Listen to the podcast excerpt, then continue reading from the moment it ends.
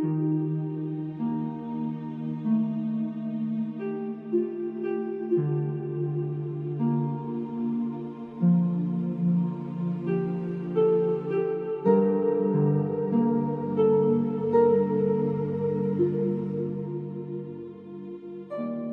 сонсогч таны энэ өдрийн амар амгалан айлтгая. Библийн хуудасаар радио цаурал хичээлийн маань нэгэн цоо шинхэн дугаар эхэлж байна. Тэгэхээр өнгөрсөн дугаард бид хаан ширээн дээрх Месиа аврагчийн тухай иш үзүүлэг болоод Бурхны агуу үйлчлэл хийгээд Мосегоос Давид хүртэлх Израилийн нэгэн сонирхолтой түүхээр хамтдаа аялсан байгаа. Тэгэхээр дуулал ном бүр хоорондоо уялдаа холбоотойгоор утга учир нь тайлагдж бидэнд цоошин мэдлэг оюуныг тэлж өгч байна. Та санаж байгаа бол дуулал 74 дугаар бүлэгт Бурханаас аврал тусламж гуйсан залбирал гарч байсан бол 75 дугаар бүлэгт Бурханы авралд талархсан талархал гарсан. Харин 76 дугаар бүлэгт бол Бурхан өөрийн аварсан арт түмнийг хаанчилж байгаа тухай гарсныг бид хамтдаа үзсэн байгаа. Хэрвээ эдгээр дуулуудын дарааллын уялдаа холбоог бид ойлгохгүй өнгөрөх юм бол маш олон утга санааг ойлгохгүй өнгөрөх боломжтой байлаа. Тэгэхээр юуны төрөнд дуулал бүрийн ерөнхий утга санааг гайхалтай ухаалгаар нарийн тайлбарлаж өгсөн жаргал агштаа маш их баярлалаа. Тэгэхээр эдгээр дуулуудаас миний хувьд эзэн Иесус Христ дахин ирж энэ дэлхийг хаанчлах үед түүний сүр жавхлан гайхамшигтай байх болно гэсэн хэсэг үнэхээр зүрх сэтгэлийг маань хөдөлгөж байлаа. Тэгэхээр Есүс Христ дахин ирэх үед энэ дэлхийн ямар ч хүчтэй тэнхээтэй хүн хүчгүй сул дорой нэгэн болж хувирна гэж бодохоор үнэхээр сонирхолтой. Тэгэхээр өнөөдөр оюун ухаанд хүн хичнээн адгуус амтнаас дор авирлаж хүчтэй нь хүчхүүгээ дээрлэхэж хөдөлмөрийг шулж амьдрахсад улам илүү олширсаар байна. Тэгвэл бурханлаг бүх хүмүүсийн дээр бурхны шүүлт ирж тэд бусдад хийсэн бүх гай гамшгаа өөртөө эргүүлэн амсгална. Тэр цагт ганцхан эзэн Есүсийн сүр жавхлан л гэрэлтэх нь гарцаагүй. Тэгэхээр түүнийг дахин ирэх тэр цаг мөчид түүний өмнө зогсож чадах нэгийнхэн ч бүтээл байхгүй байх болно бүх үндэстнүүд бурхныг эзэн химэн мөргөн хүндлэх болно. Ингээд өнөөдрийн хичээлдээ орцгоё. Тэгэхээр өнөөдөр бид хамтдаа дуулал 79-оос 81-р бүлгийг хамтдаа уншиж судлах болно. Ингээд хичээлийн эхэнд энэ цагийг бурхан дүргэж хамтдаа залбирцгаая. Хайртай бурхан минь таньда талархаж байна аваа. Энэ өдөр та бидэнд таны үгнээс суралцах энэ гайхамшигтай ивэлтэй цагийг өгч байгаа учраас таньда баярлалаа аваа. Эзэн энэ өдөр та өөрийнхөө үгээр дамжуулан бидэнд өөрийгөө илчлэн харуулаач. Тийм ээ та бол бидний агуу хончин билээ. Таны хүч чадал, таны сүр жоглон, таны агуу чанаруудыг бид өдрөөс өдөрт таньж мэдэж, таныг таньж мэдхийн хосгүй давуу талыг бид амсаж мэдрэхийг хүсэж байна. Эзэн та бидэнд өөрийгөө илчилж, өдрөөс өдөрт биднийг үгээрээ хөтлөн дагуулаач. Есүс Христ дахин ирж мөнхийн мөнхөд хаанчлах тэр өдрийг бид хүсэн хүлээж байна. Минь ээ итгэгч бид өнөө маргаашаа харж биш харин үнийн ирээдүйг харж эзэн Есүсийн дахин эрхийг хүлээж түүний Тэнгэрийн усад бидний хүлээж байгаа тэрхүү мөнхийн шагналыг харж хүлээж амьдрах учиртайг та өдөр бүр бидэнд сануулаач. Эзэн минь ээ та Израильчүүдийг итгэмжтэйгээр хөтлөн дагуулсан шигэ өнөөдөр ч гэсэн та биднийг итгэмжтэйгээр хөтлөн дагуулаач.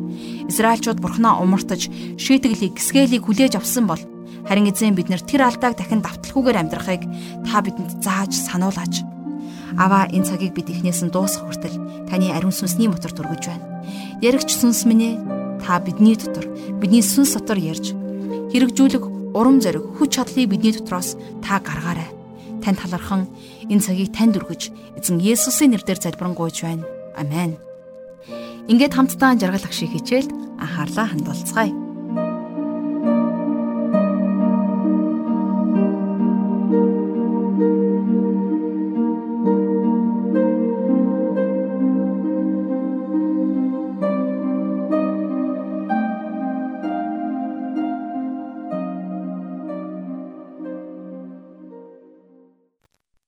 За бидний өнөөдрийн үзэх дуулал бол дуулалын 79-өөс 81-р бүлэг байна. За хамгийн эхлээд хамтдаа 79-р бүлэг дээр Израильчуудын зовлон шанал дундаас залбирч байгаа залбирлыг унших болно. Тэгэхээр энэ дуулалыг бас л авьяаслаг хөгжимчин, хөгжмийн зохиолч Асаф бичсэн байдаг. За тэрээр Давидын үед сүмд үйлчилж байсан. Магадгүй Магдалины талыг хариуцсан Давидын туслах байсан баха гэж судлаачид үздэг юм аа. За нэгдүгээр ишлэлийг нь одоо хамтдаа уншийе. Бурхан үндэстнүүд таны өвд иржээ. Таны ариун сүмийг бузарлаж Иерусалимыг тэд балгас болгов. За энэ мэдээжээр Асафыг амьдрч байх үед бол энэ үйл явдал болоогүй. За тийм учраас энэ утгаараа Асафын энэхүү 79-р дуулал бол зөгнөл буюу иш үзүүлэг байна тийм ээ. За харин энэ иш үзүүлэг харин хизээ биелсэн бэ гэх юм бол за Вавилоны Небухиднецар хааны үед биелэл олсон байдаг. Тэрээр Иерусалимыг эзлэн балгас болгож ард түмнийг Вавилон руу цөлсөн. За тэгээд хожим нь Макабийн үед ч гэсэн бас ийм сүрэл давтагдсан байдгийн. А гэхдээ энэ иш үзүүлэг буюу зөгнөл хожим ирэх их зовлонгийн үеийн тухай өгүүлсэн байна гэж олон судлаачид үздэг юм аа. За Иерусалим хот Вавилончуудын гарт орохын өмнө хуурамч иш үзүүлэгчид Бурхан хизээч өөрийнхөө хотыг дайсны гарт өгөхгүй гэж тунхаглаж байсан. Харин тэдгээр хуурамч иш үзүүлэгчдийн хэлж байснаас эсэргээрээ хот эзлэгдэж ард иргэд нь цөллөгт явсан. Хизээч устдахгүй гэж тунхаглаж байсан сүм нь газрын хөрстэй тэгшэрсэн. Иерусалим хот эзлэгдсэн. Израильчууд цөлөгдсөн. Иерусалим хотын төв болсон Израильчуудын амьдралын цөм нь болсон эзний сүмч гисэн бас нурж унсан байдаг. Тэгэхээр энэ дуулалын бас нэг гол санаа нь юу вэ гэхлээр эзний сүм за ариун газартай холбогдож байгааг бид бас унших боломжтой. Хоёрдугаар ишлэгийг одоо харъя. Зарц нарын тань цогцсуудыг тэнгэрийн шувуудад хоол болгож, ариун хүмүүсийн тань махыг газрын араатнуудад тэд өгчээ.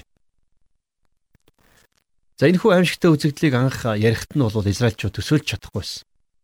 Тэд нэр ердөөс ойлгов. Бурхан яагаад өөрийнхөө ард түмнийг ийм байдалд оруулна гэж гэж тэд нар гайхсан байсан. За нөгөө талаасаа хуурамч иш үзүүлэгчд тэд нарыг үргэлж мунхруулж ийм зүйл бурхны ард түмэнд хизээж тохиолдохгүй гэж ярьж байсан. Иш үзүүлэгч Иремая итгэмжтэйгээр үйлчилж удахгүй ирэх шийтгэлийг сануулan бурхан руу израилчуудыг уриалан дуудаж байсан ч гэсэн тэд нар Иремаягийн үгийг сонсохыг хүсээгүй. Тэд нэр Иремаяг үл тоогоо зогсохгүй. Бүр тэр чүтгийг хавчин гадуурхаж эх орноос урвсан урвагч гэж тооцож байсан. Бурхан өөрсдийг хамгаална гэдэгт тэд нэр бат итгэж байсан. Агит харин бурхан тэднийг бардамлалынхын төлөө дайснуудынх нь гарт өгсөн байна. Тэд нар яагаад ийм зүйл болсныг ойлгож чадахгүйсэн. Тэгвэл өнөөдөр ч гэсэн бас та бидэнд ийм асуудал тулгардаг. За түүхийн явцад тухайлах юм бол Гитлерийн Германы үеийн аимшигт яргаллаас болоод маш олон еврейчүүд бурханд итгэх итгэлээ бүр мөссөн оргисон гэдэг. Тэдний хувьд энэ аимшигт зүйлийн учир шалтгааныг ердөөс ойлгож чадахгүй байсан. Магадгүй тэдний дотор ч гэсэн бас энэхүү дуулал дээр бичигдсэн шиг хариултгүй асуултууд байсан л баг. А гэхдээ нэг асуудал байгаа. Тэд нар бурхан эзэндээ итгэмжтэй байсан уу? Тэд нар өөрсдөө бурхантайгаа зөв зохистой харилцаатай байсан уу? Тэд нар аврагч месиад итгэж хүлээж авсан уу? Мэдээж үгүй. Бурхан өнгөрсөн үед өөрийнхөө ард түмнийг шүүж байсан. Бурхан одоо ч шүүдэг. Ирээдүйд ч шүүх болно. За 5 дугаар ишлэгийг үргэлжлүүлэн уншийе. Эзэн хидий болтол вэ? Та мөнхөд ууралсаар байх уу? Хардалт тань гал шиг шатах уу? За тэд нар бурхнаас аврал тусламж гон залбирч байна. Бурхан та биднэр туслахгүй гэж юу гэж хашгирч байсан. Эцэст нь тэд нар бурхнаас өршөөл уучлалыг гуйж залбирсан байдаг. За 8 дугаар ишлэлдэр Эцэг өвгдийн маань хилэнцгийг бидний эсрэг бүү санаач. Бид маш дор орсон учраас өөрийнхөө өршөөлөөр биднийг дарив угтаж аваач. За энд бидний өмнөх гимнүглийг битгий санаач гэж залбирч байна тийм ээ.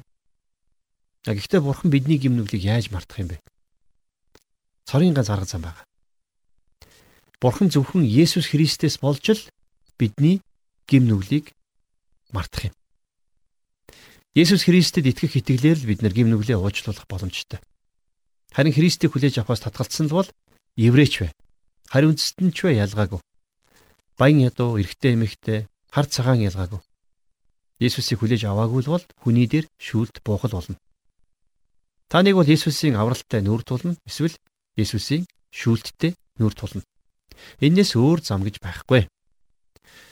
За 9 дугаар ишлэлийг харах юм бол тэд нэр үргэлжлүүлэн бурхнаас тусламж гуйн ингэж хашгирсан байна. Авралын маань бурхан алдар нэрийнхээ төлөө бидэнд туслаач.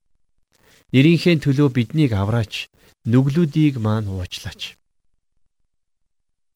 За Израильчууд бол тухайн үедээ их бардам хүмүүс байсан юм. Тэд нар өөрсдийгөө бурхны ард түмэн гэж өнгөрн сайрхдаг байсан. Бурхан биднэртэй дандаа хамт байдгаа гэж тэд нар бардамдаг байсан. Харин энэ бардамлаас нь болж бурхан дайсанд нь тэднийг орхисон. Тэд нар дайсныхаа боол болж бурхны нэр муу хэлэгдсэн. Бурхан нэрээ бодож нэрлэгсэндээ гим нүглийг шийтгэлгүй орхидог тийм бурхан биш ээ. Гэхдээ бид нар 79 дугаар бүлгийн төгсгөлийг нь харах юм бол эцэст нь Израильчууд бурханд талархлыг өргөссөн байгааг харах болно. За 13 дугаар ишлэгийг одоо уншъя. Тэгвэл таны ард түмэн таны бэлчээрийн хонь сүрэг бид танд мөнхөд талархна. Магтаалагт нь би үеийн үед тунхаглана гэсэн байх. Хожим Есүс Христийн дэлхий дээр дахин ирэх үед бид нар Бурхны оршихуй зогсож мөнхөд Бурханд талархлыг өргөх болно. Бид нар Бурханд мөнхөд магтаалыг өргөж үе үед тунхаглах болно. За энэ хүрээ 79 дугаар бүлэг өндөрлөж байгаа. Цааш нь хамтдаа 80 дугаар бүлгийг эхлүүлцгээе. За 80 дугаар бүлгийг бол зарим судлаачид харьцангуй хожуу. За Ассирт Израильчууд эзлэгдэх үед бичигдсэн гэж үздэг юм. А гэхдээ нэгэнт 80 дугаар бүлгийн эхэнд Асафын дуулал гэж байгаа учраас бид нар энэ дуулалыг Давидын үед буюу тухайлах юм бол Асафын амьдарч байсан тэр үед хамаатуулж үзэхээс өөр аргагүй. За 80 дугаар бүлгийн эхэнд удирдаачид Шошаним идүүдийн дагуу Асафын дуулал гэсэн байгаа. Тэгэхээр энд гарч байгаа Шошаним идүүд гэдэг нь сараан цэцэг гэсэн утгатай үг. За ерөнхийдөө хуучин гэрээн дээр сараан цэцгийг аврагч Месиа буюу Есүс Христтэй холбож ойлгодог. За энэ 80 дугаар дуулал бол Израилийн хончин болох Бурханд хандсан залбирлын дуулал байна. За 1 дугаар ишлээс нь хамтдаа одоо уншийе. Йосефийг хонин сүрэг мэт удирддаг Израилийн хончноо чих тавиач. Хэрүүбүүдийн дээр залрагчаа гэрэлтээч. За энд Израилийн хончин гэсэн байна. Израилийн хончин гэдэг нь гарцаагүй Есүс Христ. Бид нар өмнө нь хончин болон хонь сүрэгтэй холбоотой зүрлэлүүд. За дуулуудтай олон удаа таарсан тийм ээ. Тэгэхээр Йосефийг хонин сүрэг мэт удирддаг гэж хэлсэн нь цүлд Израильчуудыг бурхан хэрхэн дагуулan явсан яг тэр үеийг дурссан илэрхийлэл байна. За тэр үед яасан гэхлээр Израильчууд амлагдсан Канаан газрыг эзлэхээр цөлөөр явж байсан. Израилийн хончин болох Бурхан тэднийг удирдах байсан тийм ээ. За дараагаар нь Йошуагийн хувьд тэрээр Бурханыг төлөөлөн Израильчуудыг удирдах байсан. Энд Асаф Израилийн эзэн болох Бурханыг дуудан залбирсан байгааг бид сая харлаа. Хоёрдугаар эшлэл. Биньямин, Ифраим бас Манассагийн өмнө хүчээ босгож биднийг аврахаар ирээч. За яагаад энэ дээр Израилийн 12 овог аймгаас зөвхөн Беньямин, Ифраим, Манасигийн талаар дурдсан болов? За энэ асуултын хариултыг бол бид нэр тооллого номын 2 дугаар бүлгээс олж харах боломжтой гэж би бодож байна. Тэгэхээр тооллого номын 2 дугаар бүлэг дээр цүлд нүүдлэн явх үед Израилийн 12 овог аймаг ямар дараалалаар нүүдлэх ёстойг тодорхой заасан байдаг тийм ээ. Харин Тэдгээр 12 овог дотроос Биньямин, Ифраим, Манасса гэсэн гурван овог майхан сүм болон гэрээний авдрын яг ард нь явдаг байсан. Тэгэхээр цөлд Бурхан Израильчуудыг удирдан явх үед Бурханы гэрээний авдар тэдний өмнө явдаг байсан гэсэн. За тийм учраас дуулалыг бичигч маань тэр цаг үеийг дурсан Бурханаас тусламжгүй хашгирч байна. За 3 дугаар ишлэл. Бурхан биднийгээ дахин босгооч. Нүүр царайгаа гэрэлтүүлээч. Тэгвэл бид аврагдана гэсэн байна. За тэгэхээр яг энэ гуйлд дуулал номын 80 дугаар бүлгийн 7 19 дугаар ишлэлүүд дээр давтагдсан байдаг. За 4 дугаар ишлэлийг одоо харъя. Төг төмдийн бурхан эзэн хидий болтол хүмүүсийнхээ залбиралд та уура өөг болох вэ? За Асафийн хувьд бол бурхан өөрсдөд нь хилэгнэн ууралсан гэж бодож байсан. Тийм учраас бурхан гуйлтанд нь хариулахгүй байна гэж таасан байна, тийм ээ. За тэгээд 4-өөс 6 дугаар эшлэл дээр тэрээр бурханд хандан ингэж гашуудан залбирсан байх юм. Тэднийг нулимсан талхаар хооллож тэдэнд нулимсыг ихээр та уулгалаа гэж. За энэ бол Бурхны үгэн дээр байдаг гайхамшигтай ишлэлүүдийн нэг. Бурхан өөрийнхөө ард түмнийг нулимсан талхаар хооллож нулимсыг ихээр уулгасан. Энэ бол мэдээж баярын нулимс биш. Харин шаналл зовлонгийн нулимс байсан. Үнэн дээр Израиль үндэстэн шиг зовлон үзсэн үндэстэн. Тэгээд тэр их зовлонгийнхоо дараагаар оршин тогтнож үлдэж чадсан үндэстэн гэж энэ дэлхий дээр байхгүй. Та бодоод үзээрэй. Магадгүй өөр бусад үндэстнүүд Израильчууд шиг хавчигдж, тэднэр шиг устгагдж, тэднэр шиг зовсон бол аль хэдийнэ үгүй болох байсан байх тийм ээ. Тэгэхээр олон олон зууны туршид Израильчууд нулимсаа ууж амьдарсан. Яагаад? Яагаад гэвэл шүү дээ. Тэд өөрсдийн хончин болох бурхнаа үл тоос. Тэдний эзэн нь тэдний дунд байсан ч тэд нар үл тоос. Есүс Иерусалимыг хараад гашуудан уйлж байсан. Санж байна уу? Лукийн 19-ийн 41-ээс 44 дугаар эшлэлдэр Тэгээд Есүс ойртон ирж хотыг хараад түүний төлөө уйлж хэрв чи ядаж энэ өдөр юу амар тайванд хүргэхийг мэдсэнсэн бол гівч идүгээ энэ нүднээс чинь талдлагдав. Дайснууд чинь чиний эсрэг бэхлэлт босгон чамайг бүсэлж тал талаас чинь бүчих өдрүүд ирэх үед чамайг болон чиний дотор хүүхдүүдийг чинь газартаа тэгшлэх болно. Тэд чиний дотор чулууг чулуун дээр нь орхихгүй. Учир нь чам дээрх бурхны харгалзлын цагийг чи мдээгүй юм аа гэвгсэн байна. За энэ бол их харуулсалтай. Гэхдээ гайхамшигтай үгс. Есүсийн чухам энэ үгс Израильчуудын олон зууны туршид нулимсаа уусных нь шалтгаан юм. Есүс загалмайд хадагдахаар явж байх үед өөрийнх нь төлөө уйлж байсан эмэгтэйчүүдийг хараад тэднэрт хандаж Иерусалимийн огтоо Миний төлөө уйлахаа боль. Харин өөрсдийнхөө төлөө хүүхдүүдийнхээ төлөө уйл гэж хэлсэн байдаг юм. 7 дугаар ишлэл. Төг төмдийн бурхан биднийг дахин босгооч. Нүүр царайгаа гэрэлтүүлээч. Тэгвэл бид аврагдана. Энд бурхны нүүр царай гэсэн ойлголт гарч ирж байна. Бурхны нүүр царай гэдэг бол Есүс Христийн хүн болон энэ дэлхийд ирсэн илэрхийлэл. Нүүр царайгаа гэрэлтүүлээч гэдэг нь аврагчаа илгээгээч гэсэн утгатай үг. За дараагийн ишлэл дээр нэгэн гайхамшигтай үг гарч байна. 8 дахь ишлэгийг харъя. Улсын үзмийн модыг Египтээс та гаргасан. Үндэстнүүдийг хөөн гаргаж та түүнийг суулгасан. За тэгэхээр бурхан Израиль үндэстнийг Египтийн болжлоос чөлөөлөн гаргасан тийм ээ. Тэгэд бурхан Канаан буюу Палестиний нутгаас хари үндэстнүүдийг хөөн гаргаж Израильчуудыг тэнд нутагшуулсан байдаг. Израильчууд тэнд бурхандаа зориулан сүмийг босгосон. Гэтэл тэд нарыг энэ нутгаас хөөгдөн гарч сүм нь юу ч хүн урах болно гэж зөвгнөн хэлсэн байдаг. Яагаад вэ? Яагаад гэвэл Израильчуудын өмнөөс хөөж гаргасан тэр үндэстнүүдтэй адил шалтгаанаар бурхан энийг хийсэн юм. Яагаад вэ гэвэл тэд бурханаасаа нүрэ буруулсан байна. Тэднэрт бурхан өөр ямар ч үндэстэнд өгөөгүй тэр их ивэл өрөөлийг өгсөн байтал тэд яасан бэ? Бурханаас нүур буруулснаар өөр ямар ч үндэстний дээр буугаагүй тэр шийтгэлийг хүртсэн байна. Бурхан өөр ямар ч үндэстэн дээр биш харин Израиль дээр хүн болон ирсэн.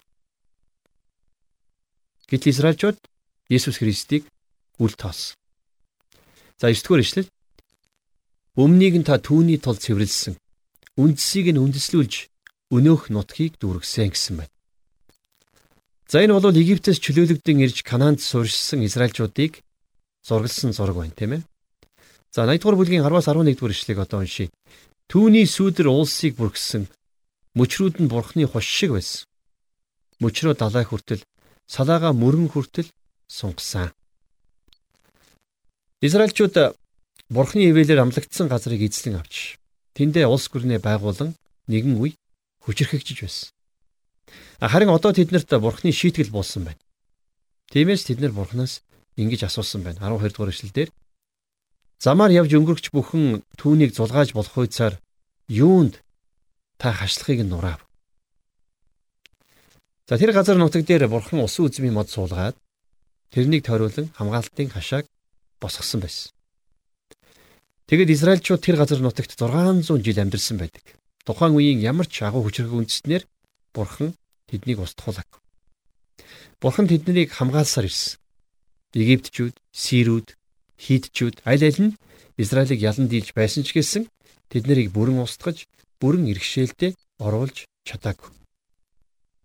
Харин харин цаг нь ирэхэд Бурхан тэрхүү хамгаалтын хашаага зайлуулж дайснуудынх нь гарт Израильчуудыг өгсөн байдаг. Яагаад? За яагаад гэдэг хариултыг та мэдж байгаа. Яагаад гэвэл Израильчууд Израилийн хончин болох Бурханаа орхисон байна. 17 дугаар эшлэл.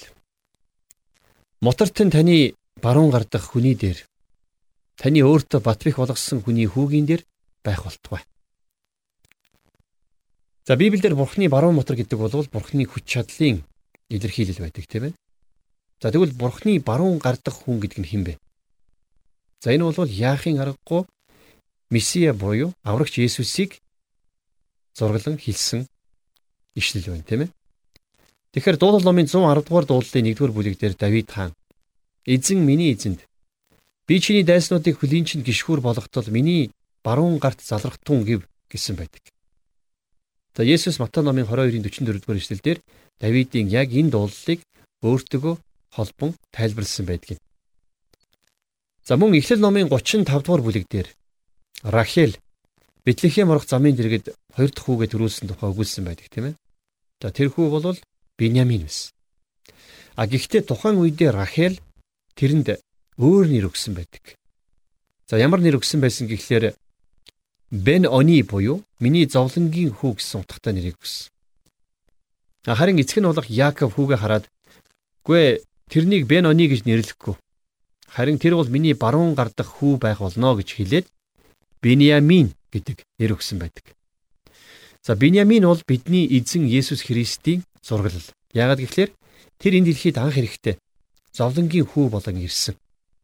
Өөрөөр хэлэх юм бол Бен Они болж ирсэн байх нь шүү дээ. Харин өнөөдөр тэр бурхан эцгийнхээ баруун гарт заларсан хүү. Бурхан эцгийн түүнд би чиний дайснуудыг хөлийн чинь гიშхүр болгохтол миний баруун гарт залрахтун гэж айлдсан байна. Хожим нь эзэн Есүс тэр сүр жавхлангаараа энэ дэлхийд эргэж ирэх болно. За 18 дугаар ишлэгийг одоо харъя. Тэгвээс бид танаас ухрахгүй. Биднийг амьлуулаач. Бид нэрийгт нь дуудана.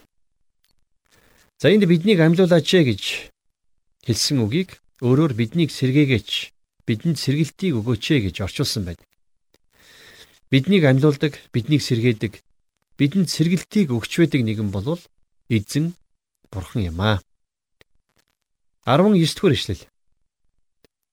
Төг төмдийн бурхан эзэн биднийгээ дахин босгооч. Нүүр царайгаа гэрэлтүүлээч. Тэгвэл бид аврагдана.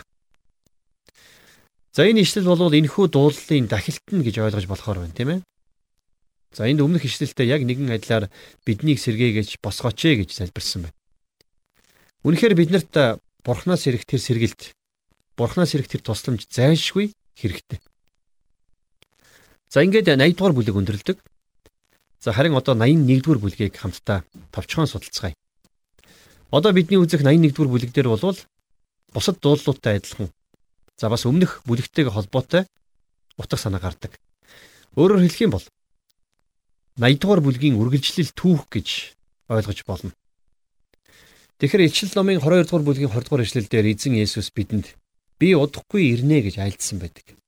Харин эзэн Есүсийг ирэх хүртэл бид нэр Бурхны үгийг бусдад дамжуулж Бурхны хүчээр Бурхныг алдаршуулан амьдарч байх учиртай. За энэ хүү 81 дугаар дуулал дээр авралыг хүссэн хүний дуулал гарна. Энэ дуулалыг сүмд гоцлол дуучин уянгалгаар дуулдаг байсан гэж түүхчид үздэг юм. За тийм ч учраас энэ бүлгийн эхэнд удирдаачид гит дээр Асафийн дуулал гэж бичигдсэн байна. За одоо хамтдаа 81-р дуулалын 1-ээс 4-р ишлэгийг уншийе. Бидний хүч болох бурханд баясгалантайгаар дуулахтун. Яаковын бурханд хөөрөн хашгирахтун. Дуу өргөж товшуур цохиж сонсголонд ятгыг босоо ятгахтай хамт дуугарга. Бидний баярын өдөр шин сар тэргэл сартайд бүрээ үлээгтэн Учир нь Израиль зориулсан зарлиг Яаковын бурхны шийдвэр энэ юм аа гэсэн байна. За энэ хүү ишлэл дээр нэгэн онцгой зураглал гарч байна. Тэргэл сартайд бүрээ үлээгтүү гэж. За сар бол шөнийг илэрхийлдэг тийм ээ. Өөрөөр хэлэх юм бол нар гарч өглөө болохын өмнө ямагт шүн болж сар гардаг шүү дээ. Тэгэхээр бидний энэ амьдрал зовлон бэрхшээлтэй. Шүн мэт болж болох ч гэсэн бид нар баяр хөөртэй байх учиртай.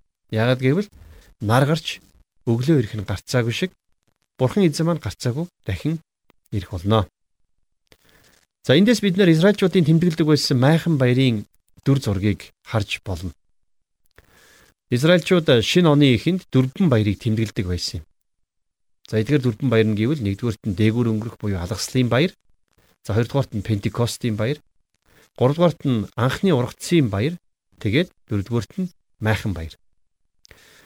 Израильчууд эдгээр баярынхаа үеэр яг энэ ишлэл бишигдсэнчлэн баяр хөөртэй хашгирч хөгжим тоглон баяр хөөртэйгөр тэмдэглэн өнгөрүүлдэг заншилтай байсан.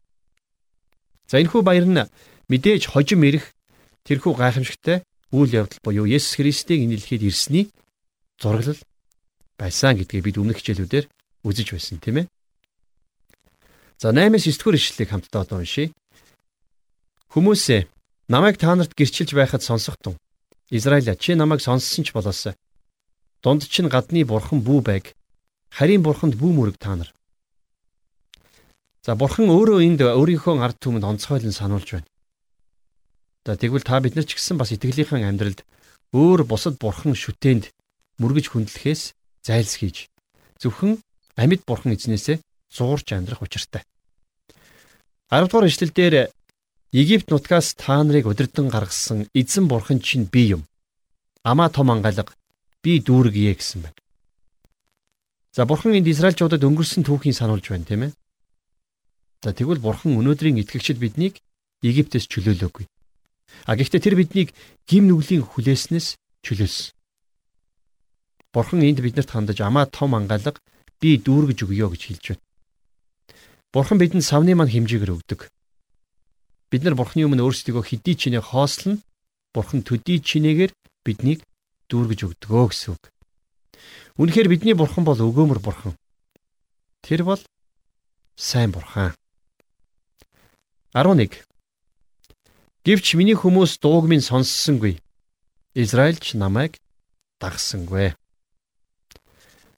За эндээс харах юм бол их сонирхолтой зүйл харагдаж байна. Бурхан бүгдийг өгнө гэж амласан. А гэхдээ бурхан хүнээс дуулууртай байдлыг шаардсан байна, тийм ээ. Ингээд Израильчууд нэгэнд бурхан дуулууртай байж чадаагүй учраас 11-р ишлэл бичигдсэнчлэн гівч миний хүмүүс дууг минь сонссонгүй, Израильч намайг дагсангүй. Бурхан өөрийнхөө хамгаалтыг Израилээс авсан байна. Бурханы илгээсэн аврагчийг ч Израильчууд хүлээж аваагүй. Өнөөдрийг хүртэл тэд нар Бурханыг дагахаас татгалцсаар байна. Тэдний бурхантай харилцах харилцаа нь тэдний дайсагналцаж байгаа лалын шашинтнуудынхаас нэг их дээрдээгүү. Яагад гэвэл тэд нэр одоо хүртэл Бурхны илгээсэн аврагч Есүс Христийг хүлээн зөвшөөрдөггүй. Харин та бидний хувьд Бурхан руу эргэж Бурхныг дагцгаая. Түүний дуу хоолойг сонсцгоё. Тэгсэн цагт Бурхан биднийг гайхамшигтайгаар хөрөөх болно.